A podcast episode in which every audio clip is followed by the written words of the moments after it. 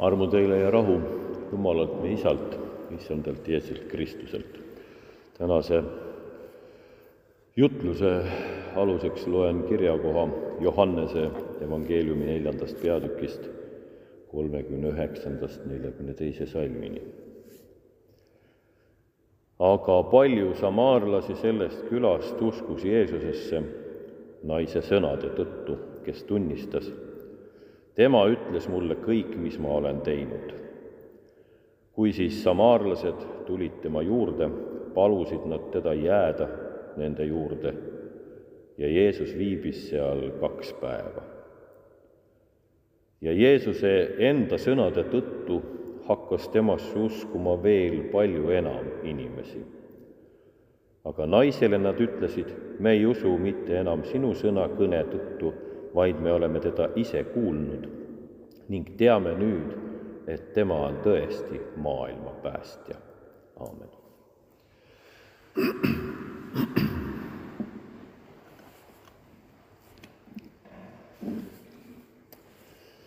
üks muinasjutt räägib kaunist neiust, kelle kätt soovivad kolm noormeest. Neiu ei oska nende vahel vahet teha või valida ja soovib, et ähm, noormehed tooksid talle ühe erilise kingituse ja siis ta selle kingituse järgi vaatab kelle ta valib. noormehed lähevad laia maailma, rändavad pikalt ja igaüks leiab oma kingituse. Kui nad kingituse leidnud ja tagasiteel on, kohtuvad nad kõik kolmekesi ootamatult ühes maantee ääres kõrtsis ja jagavad siis neid kingituste saake nii-öelda omavahel või arutavad. üks on leidnud imepeegli, millesse vaadates näeb kõike, mis maailmas sellel hetkel toimub. teine on leidnud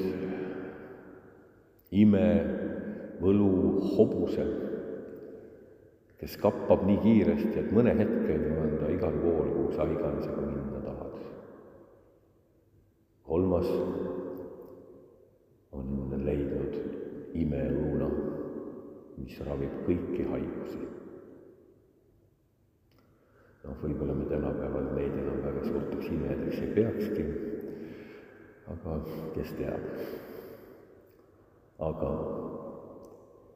siis seal neid kingitusi imetledes vaatavad nad üheskoos ka peeglisse ja näevad sealt ehmatusega, et neiu on kodus voodis pikali haige ja kõik on mures seal ümber ja keegi ei tea, mida teha.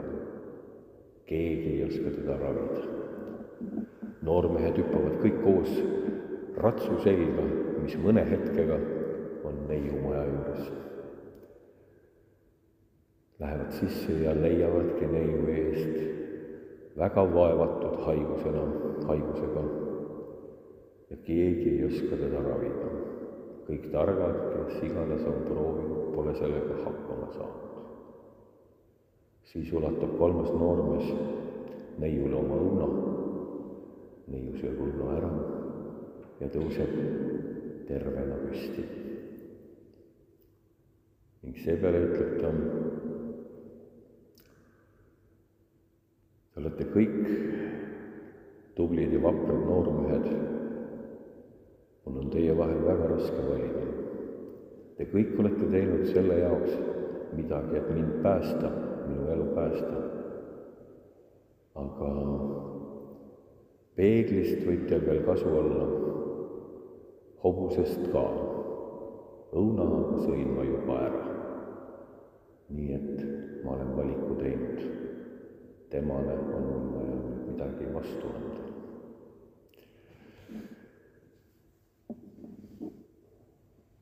See kirjakoht räägib Samaaria naisest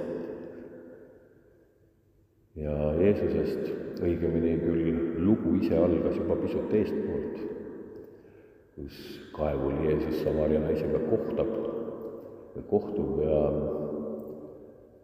ta, nende dialoog viib selleni, et naine jookseb ähm, oma külasse teatama, et ta on messia leidnud. nüüd on rahvas koos, kes on messiat tulnud vaatama ja nad soovivad, et Jeesus jääks nende keskele mõneks ajaks. ja Jeesus teebki seda koguni kaheks päevaks, mis viib ka teised Samaaria inimesed äratundmisele, et nende jaoks on tegu tõesti messiaga. see on selline, võiks öelda, johannесlik lugu ähm,. alustabki Johannes ju ka oma evangeeliumiga, et ta tuli omade keskele, aga omad ei tundnud teda ära. Ja nüüd on siin üks koht sellest. ehk siis Jeesuse messiaks tunnistamise juures on esmalt samaarlased. üks ähm, tõrjutud Samaaria naine on see, kes ta ära tunneb. mitte juudid, mitte isegi galilealased, vaid samaarlased, see tõrjutud rahvakild, kes juutide meelest üks õige seltskond talis ei olnudki ehk siis sellest Samaaria naisest saab Jeesuse ja messia tunnistaja, päästja tunnistaja. omal moel on tema nagu teevalmistaja oma külale, aga võib-olla isegi suuremale hulgale, mitte võib-olla, vaid üsna sümboolselt laiemale maailmale. umbes nagu Johanneski, Kristi ja Johannes, kes on teerajaja Jeesuse tulekule. Eks oleme meiegi saanud nii-öelda missiooni käsu, ülesande jagada sõnumit päästja kohta, pääste kohta. aga nii mõnigi kord võime olla võib-olla üsna suure küsimuse ees, kuidas seda teha. ja tõenäoliselt ongi neid võimalusi väga erinevaid. ja küllap meist igaüks, kui me selle kutsumuse enda südamesse saame, teeme seda mingil moel aga kui ma nüüd mõtlen antud loo peale, mis oli see, mis ähm, kõigepealt sõnumi viis selle Samaaria naiseni? ma arvan, et see oli esmalt see, et keegi seda tõrjutud märkamatut naist, kes tõenäoliselt oma eluviiside tõttu väga suures aus seal rah-, oma rahva hulgas ei olnud. keegi märkas teda. mis veel enam, asus temaga dialoogi, mis ei olnud tavaline dialoog. ta ka mõistis teda, mitte ei mõistnud hukka. Ta kuulas teda, võib-olla küll mitte päris alati sõnadest, vaid veel kui kuidagi sügavamalt teades, mis on selle naise lugu ja vajadus. nii sai sellest naisest sõnumi viia ja ühtlasi tõenäoliselt ka see, kogu see lugu muutis selle naise staatust oma rahva hulgas ja küllap vähendas ka omajagu tõrjutust. Ja teistpidi sai ka Samaaria rahvas kompensatsiooni oma tõrjutusele ja sellele hukkamõistule, mis võib-olla nende suunal oli olnud. mis ka aga omakorda sai levitajaks, võimendajaks kogu maailma mõttes. ehk siis igalühel oma koht, igalühel oma vajadus, igalühel oma lugu. ja kui me nüüd küsime, mis on see, mis meid paneb olema sõnumi viijaks, teerajajaks, siis tõenäoliselt just nimelt see, mis meid endid on puudutanud. Mis meid kõnetab, kui meie ära tunneme Jumala lähedal mis meile korda läheb, kui meie elu vajab Jumalat. ja sageli ongi vist nii, et need, kellel on väga selged kriteeriumid ja asjad kuidagi väga paigas, ei pruugigi märgata Jumala lähedal olla sellepärast, et kõik on ju paigas. niisiis võib olla just nimelt need hetked ongi need tõelised Jumalaga kohtumise hetked, kui kõik ei ole paigas. mulle tundub, et nii see sageli just on aga kui see nii on,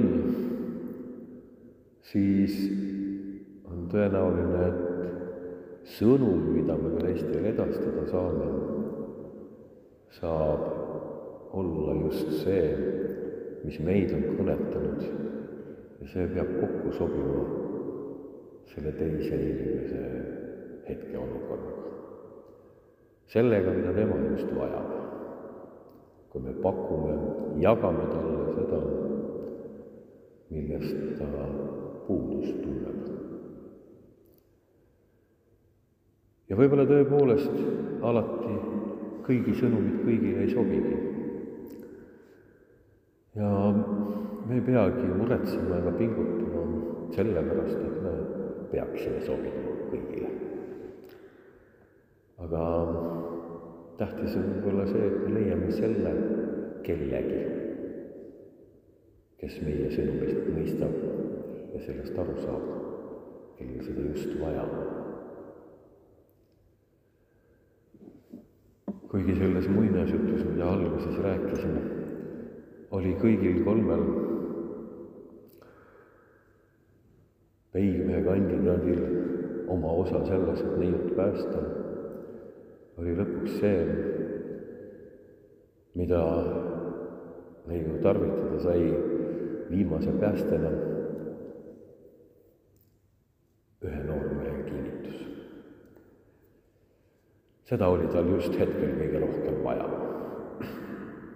ja nii võibki olla, et paljud olukorrad, paljud lood, paljud sammud viivad hetkeni, kus siis võetakse vastu üks kingitus. ja sellest kingitusest sünnib midagi uut, looma midagi uut, hakkab avarduma midagi uut. Kristus on toonud meile kingituse. ja samas on selles kingituses nii palju avarust, et selles on midagi igale ühele see ei ole ainult üks õun. Isegi siis, kui me uute pealt vaatame, vaid see on ka siis midagi enamat. aga ometi võime me valida välja selle, mis meile korda läheb. Ja mida me siis saame omakorda edasi jagada neile, kes seda vastu võtta tahavad. Ja viisil, nagu see neile vastuvõetav on.